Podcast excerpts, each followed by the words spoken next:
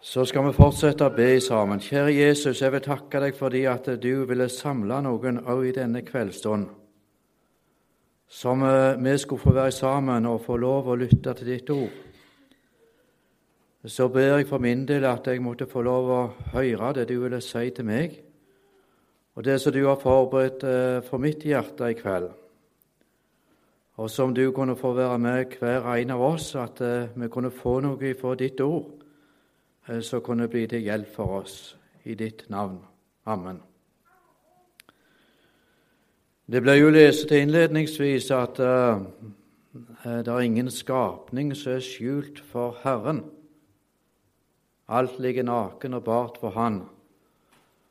Og Det kan egentlig slå to, to veier for oss. Det ene er at det er noe skremmende over det, og det andre er at det er noe gledelig ved det.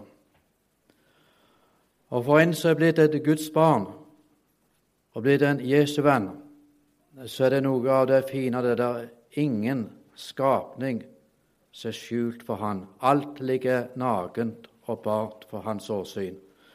Så det betyr at Jesus han vet det egentlig utgangspunktet. Sånn som jeg har det, og sånn som jeg er. Så det er egentlig ikke så farlig å komme fram for Han med alt. Alt ligger jo nakent og åpent for Han. Så da kan vi få lov å kneppe hendene sammen, så kan vi si til Jesus, kjære Jesus, se nå den sak, og se den sak, og så vet han det allerede. Alt ligger åpent, nakent og bart. Og så er det ingen skapning som er skjult for Han. Og Det betyr at av alle disse milliarder av mennesker som er på jord, de som har vært der, er ingen som er skjult for Han. Alle innebefatta i Guds nåde og i Guds omsorg. Den sier, Men for den som er utenfor, så er det noe skremmende med det. Alt ligger nakent og bart, hele skapningen. Jeg er utenfor, og så prøver jeg å skjule noe for Gud. Og da er det skremmende. Vi skal lese i kveld fra Johannes 8, fra vers 1 til 11. Men Jesus gikk ut til Oljeberget. Tidlig om morgenen kom han igjen til tempelet. Folkemengden samlet seg om ham. Han satte seg og lærte dem. De skriftlærde og fariseerne førte da til ham en kvinne som var grepet i hor, og de stilte henne fram for ham. Og de sa til ham, Mester, denne kvinne er grepet på fersk gjerning i ekteskapsbrudd. I loven har Moses påbudt oss at slike kvinner skal steines. Hva sier nå du? Dette sa de for å sette ham på prøve, så de kunne ha noe å anklage ham for.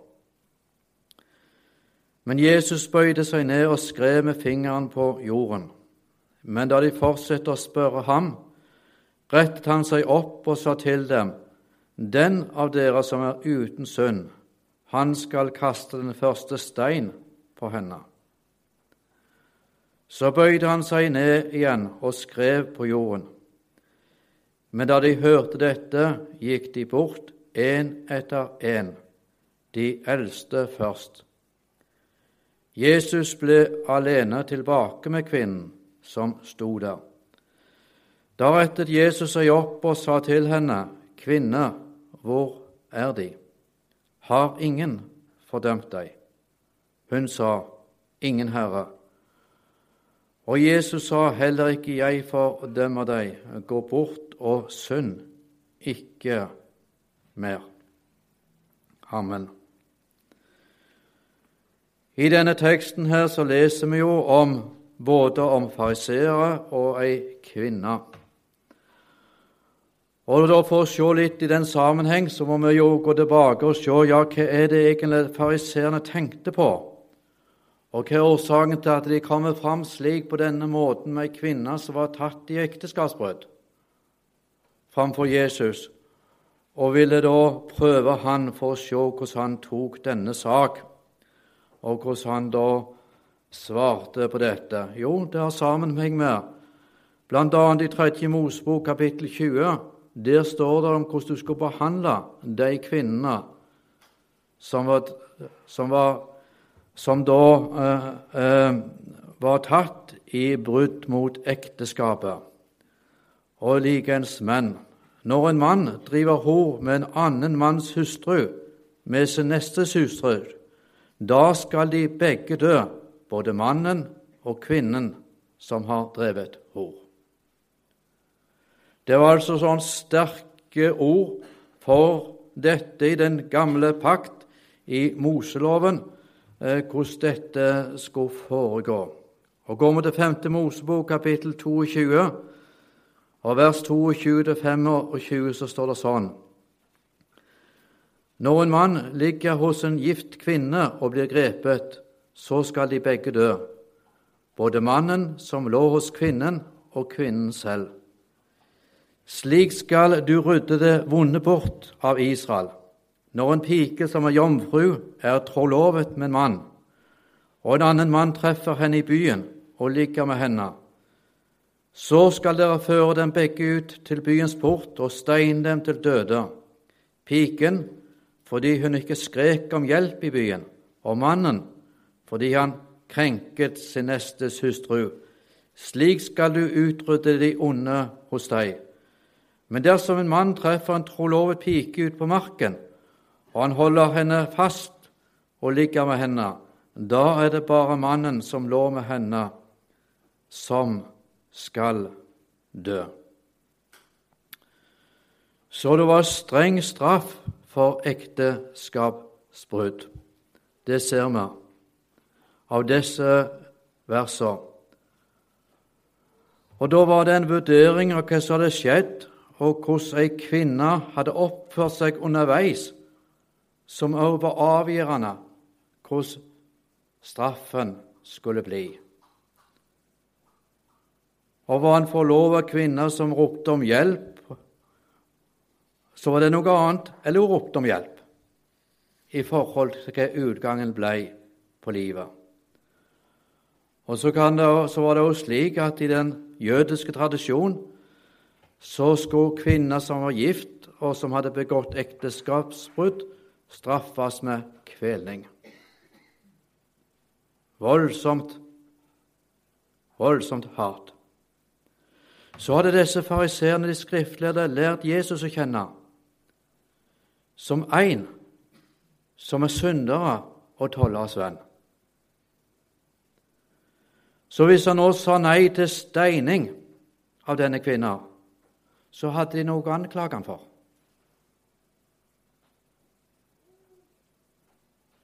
Og I Lukas 15, 1-2 der står det slik.: Alle tollere og syndere holdt seg nær til han for å høre ham.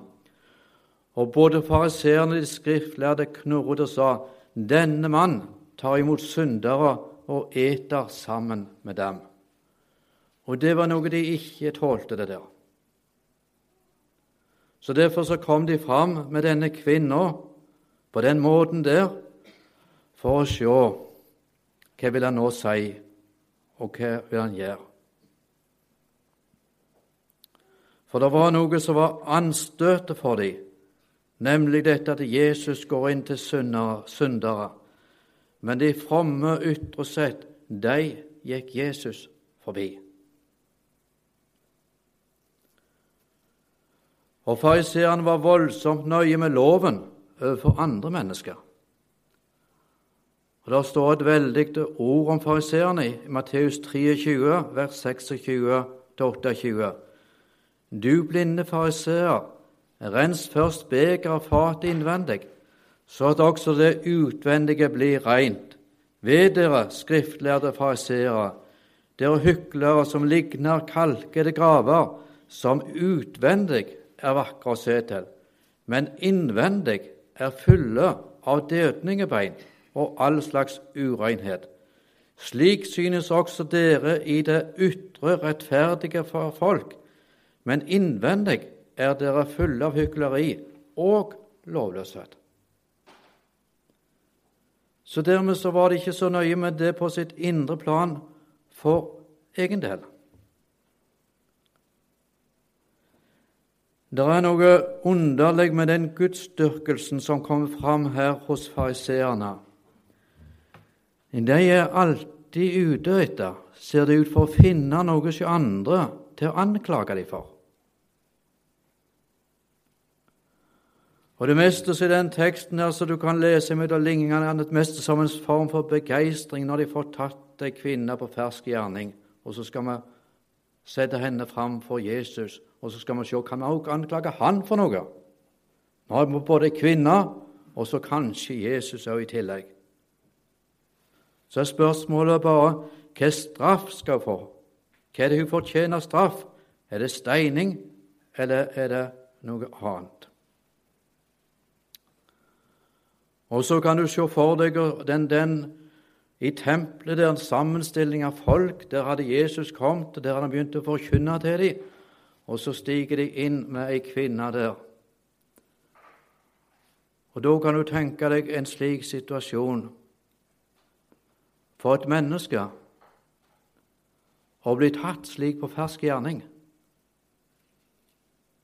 som denne kvinna og noe som var galt i livet, og så ei synd som ikke var allment akseptert, og for noe krenkende, for noe nedverdigende for slik menneske å bli offentlig stilt i en slik en gapestokk. Kan du se det for deg? Til skue for alle det du har gjort nå, så står du her i denne gapestokken og så ser vi det at de var ikke opptatt av hennes ve og vel, men de var bare opptatt om de kunne få noe til å anklage Jesus overfor i tillegg. Ja, En slik en offentlig gapestokk, et anklagepunkt. Og da har jeg tenkt det må være uendelig vanskelig for et slikt menneske å oppleve en slik en gapestokk. Så må vi tenke på oss her, da. På Fjellheim og dere som gjerne bor i byen, eller som bor andre plasser rundt forbi. Det hender det at det er noen det skjer for. At de faller ei eller annen synd som ikke er allment akseptert. Det hender det. Det kan hende det at det skjer, kan også skje på Fjellheim, at noen blir tatt i ekteskapsbrudd, som går på denne plass. Det kan hende det at det kommer en heim til Fjellheim en kveld, noe dere gjerne ikke tror, full, men går på byen. Og når det har gått over 1000 elever her på Fjellheim i løpet av disse åra, og noen av de som har gått her, har kommet ut for det at de har kommet inn i ekteskapsbrudd med sitt liv.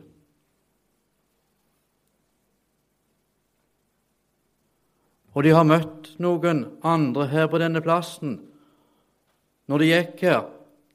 Og da er spørsmålet hvordan snakket vi om dem som falt i slike synder, som på en måte var utenfor? Stiller vi dem offentlig opp i en gapestokk. Ja.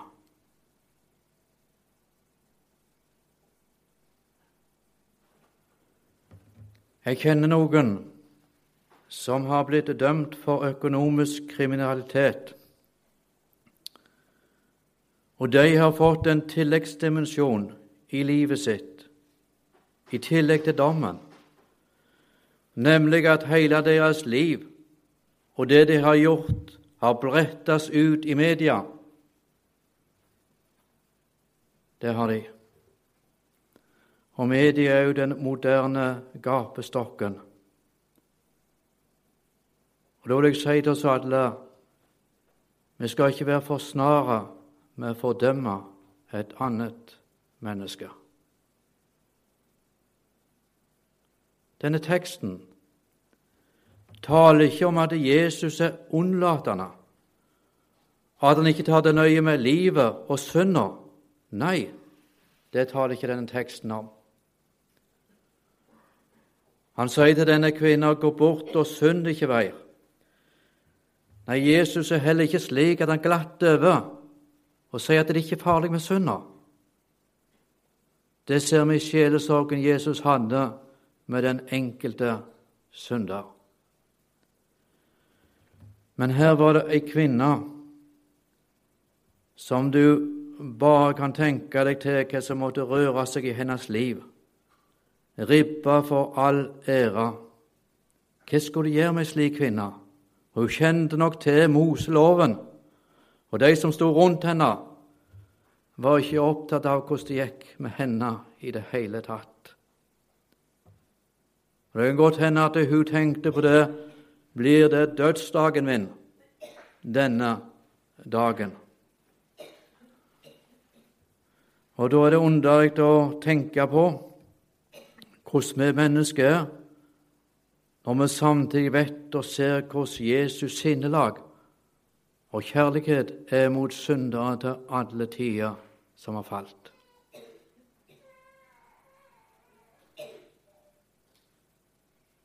Jesus tar det nøye med synda, men han ønsker at den synd som vi bærer på, hver enkelt av oss, skal bli avslørt i det enkeltes liv.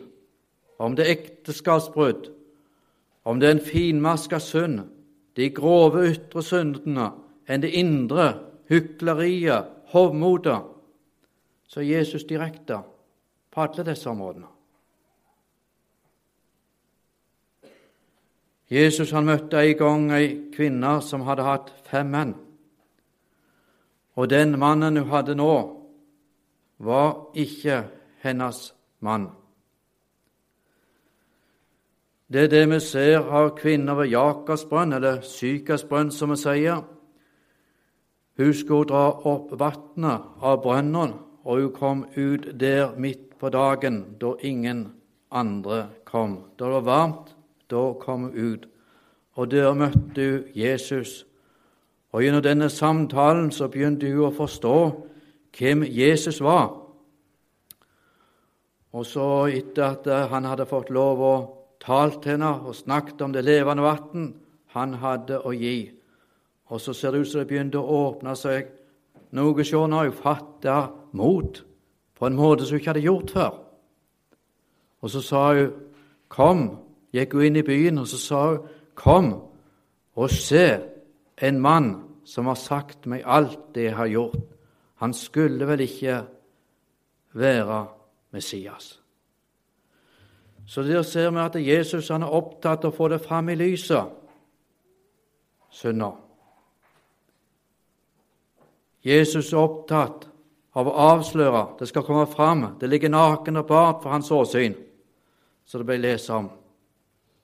Det må fram i, i, lyset for at Jesus skal få legge såret, synden, og at en blir et barn av Gud. I denne teksten her så skiller jo Jesus mellom straff som en offentlig sak. Det får styresmakten ta seg av, hva straff ei slik kvinne fortjener. Så han svarer ikke på dette spørsmålet i forhold til den sak. Men når disse er her i nærvær med Jesus, og de vil anklage ham, da er det noe som han begynner å skrive til dem og si til dem om den åndelige sida og de evige sannhetene.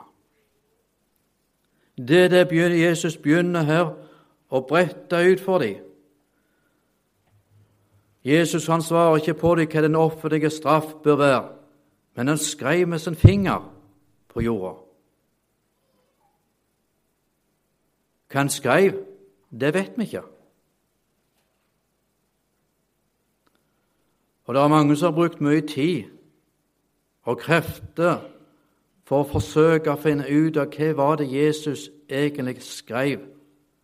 Og Han skrev ikke bare én gang, men han skrev to ganger.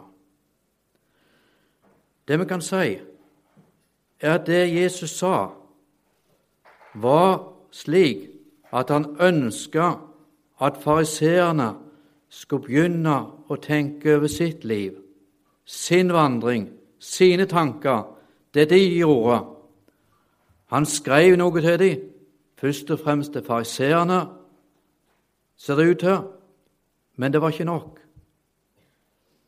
Og så sa han noe til dem. Den som er uten sønn, han kasta den første stein.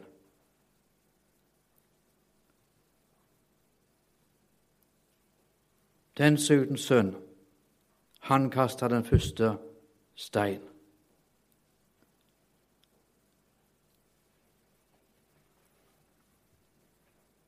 Og da ser vi denne kvinna, og vi kan se det for deg der. Og det var slik at de som var vitne til dette i forhold til loven, de hadde retten til å kaste stein først.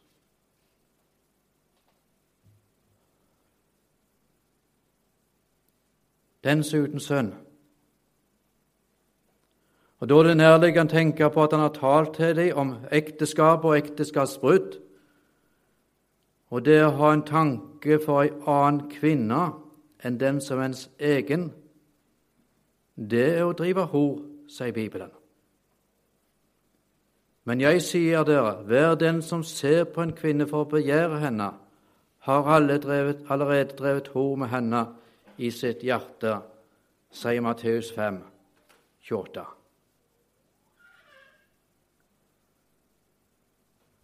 Så her begynner Jesus å legge inn for disse for om mulig å nå dem. Og her ligger det noe i naturen som Jesus peker på overfor dem. De eldste gikk først bort. Og det må ha vært et spesielt møte. De kommer med kraft og makt og myndighet, mange i lag, og så skal de forsøke å ta Jesus så blir de slått til taushet.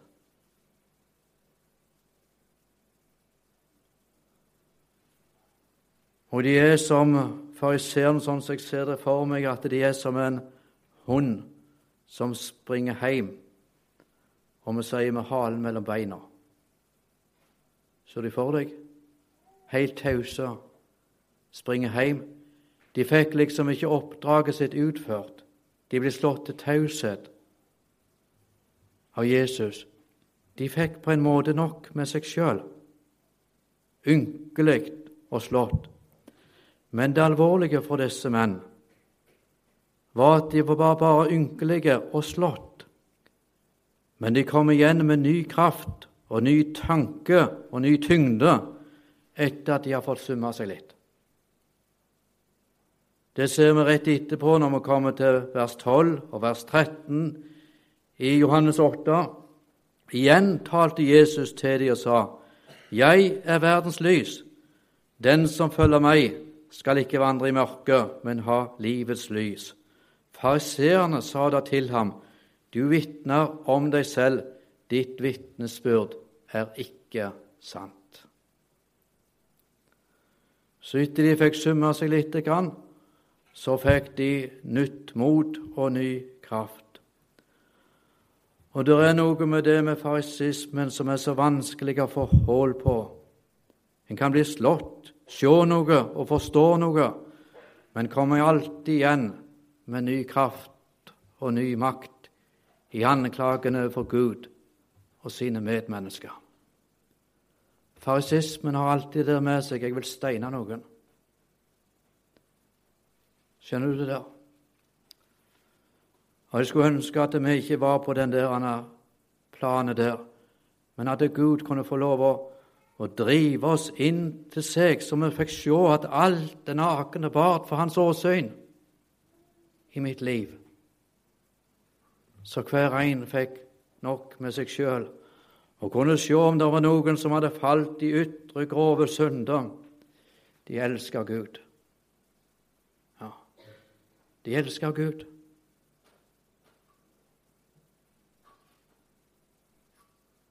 Jeg har ikke, ikke noe å rose meg av, jeg heller. Jeg har ingen stein å steine med.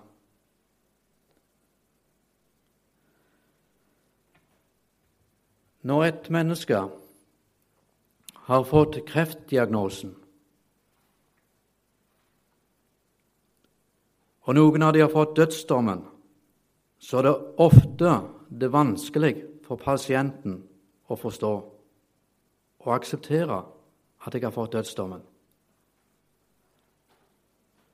En vil på en måte inn, inn, ikke innse hvor galt det er. Da hender det at medisineringen kan bli så god at den kreften, eller den kreftsvulsten, blir kapsla inn av cellegiften på en slik måte at vi si at kreftene er svimeslått for en tid. Men så blusser den opp igjen og får ny kraft. Og hvorfor er det slik? Fordi kreftspulsen ikke er tatt bort. Så blir han slått i svime. Og det var det som skjedde med disse fariseerne her. Det ble liksom bare slått i svime. Og så når de kom seg selv, til seg sjøl igjen, så var det med full tyngde igjen akkurat som det hadde vært før. Og Det ble jo så alvorlig utover i kapittel 8 der at de til slutt tok de opp steiner som står, for å kaste på Jesus. Men Jesus skjulte seg for dem og gikk ut av tempelet. Ja, De ble rett og slett bare enda mer sinte. Ser du der? Hvis den ånd får lov å bo og herske hos oss, så er det den veien vi går.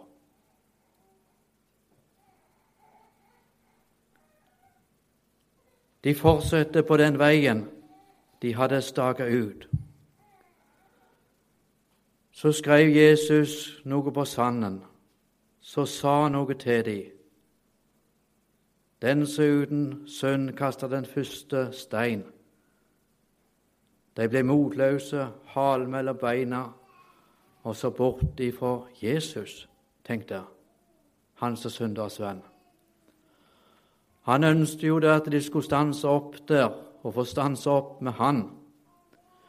Og tenk om de ble værende, disse fariseerne, se Jesus med sitt liv. At de kunne forstå at Jesus han er synders venn. Der. Og Jesus han tvinger ingen. Han kan ikke. Det må brytes ned noe på vårt indre plan som gjør at vi begynner å rope til Han etter frelse og forlatelse. Og Så reiser Jesus seg opp, og da er det kun to igjen. Jesus og denne kvinna. Det er kun de to igjen. Augustin han sier det sånn Det blir bare to ting attende elende og miskunn elendigheten og miskunnheten. Det var bare de to ting igjen. Og så sier Astenfeldt Hansen når han utlegger for oss teksten, så reiser Herren seg og ser bare kvinna stå der. Det er et godt tegn på at det har gått føre seg noe i kvinna sitt liv, at ikke hun òg hadde gått bort. Hun kjente uvilkårlig Herrens hellige majestet at det var Han og Hans ord hun er avhengig av. Og Herren som kjenner hjertet, sier til henne, heller ikke jeg fordømmer deg. Så langt Assenfeldt Hansen. Og her sitter vi i dag i Tromsø, og så hører vi disse ord. Noe blir skrevet i jorda og noe blir på en måte skrevet inn i vårt jordsmonn, inn i vårt hjerte. Noe inn i vår samvittighet. Noe blir forkjønt for oss. Og Jeg skulle ønske at det var noe av det der som kunne gå inn, og det sånn som har stelt oss i livet, sånn at vi kunne stå for Jesus i undring da de andre går bort. Gå ikke bort ifra Jesus men står i undring over Han.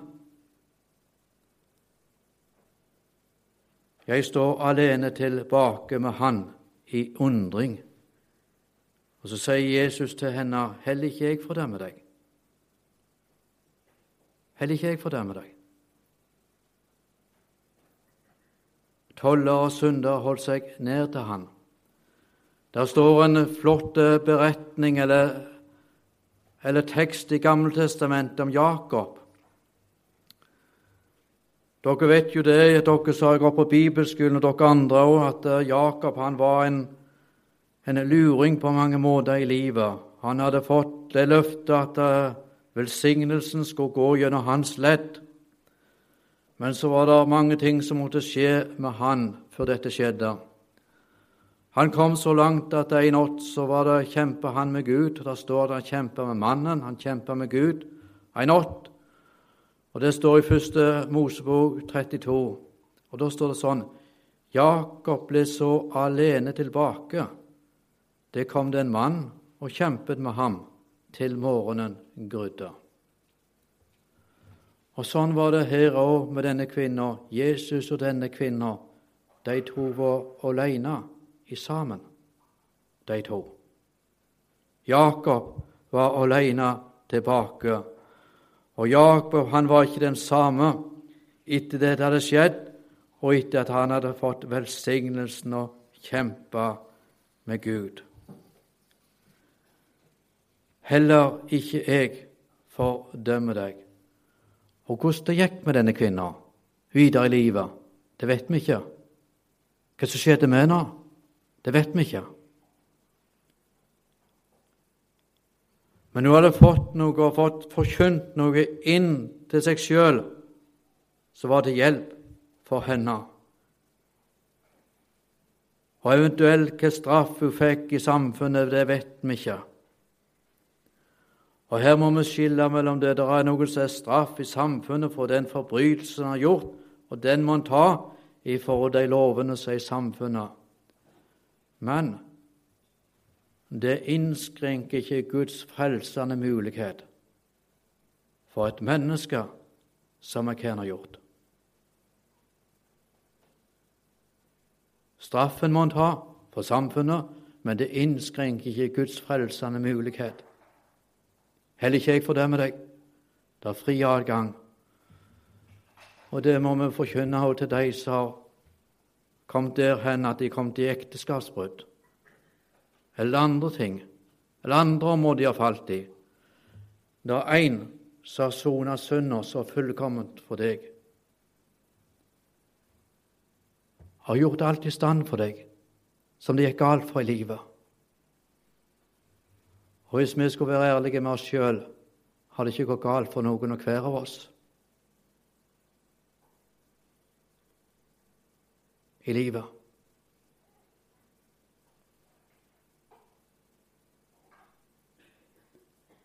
Er mitt liv så mye bedre enn den som har det ytre sett mye grovere? Er ditt liv så mye bedre? Ikke mitt, iallfall. Ikke mitt, iallfall. Men jeg får lov å stå i undring og takknemlighet for at en som står her, og så sier han til meg i dag Heller ikke jeg fordømmer deg. Ja. Og det vil jeg gjerne få lov å være med og formidle til dere. Det er en som står med et fullbrakt verk for deg og sier til deg i kveld samme hva du har rota deg borti, eller hva du har gjort, eller hvordan livet ditt har vært. Heller ikke jeg fordømmer deg. Og det skal du få lov å gå ut til, til de som du omgås med. Er det noe i din nære slekt? Ja. Er det noen av dine venner? Er det noen av de som det Ja, du, du tenker på noen nå. Skal ikke jeg legge det ut mer? Slik er Jesus. Ja. Og så har han sånn ei dragende makt på slike mennesker. Ja. Det er noe med Jesus i altså dras de til han.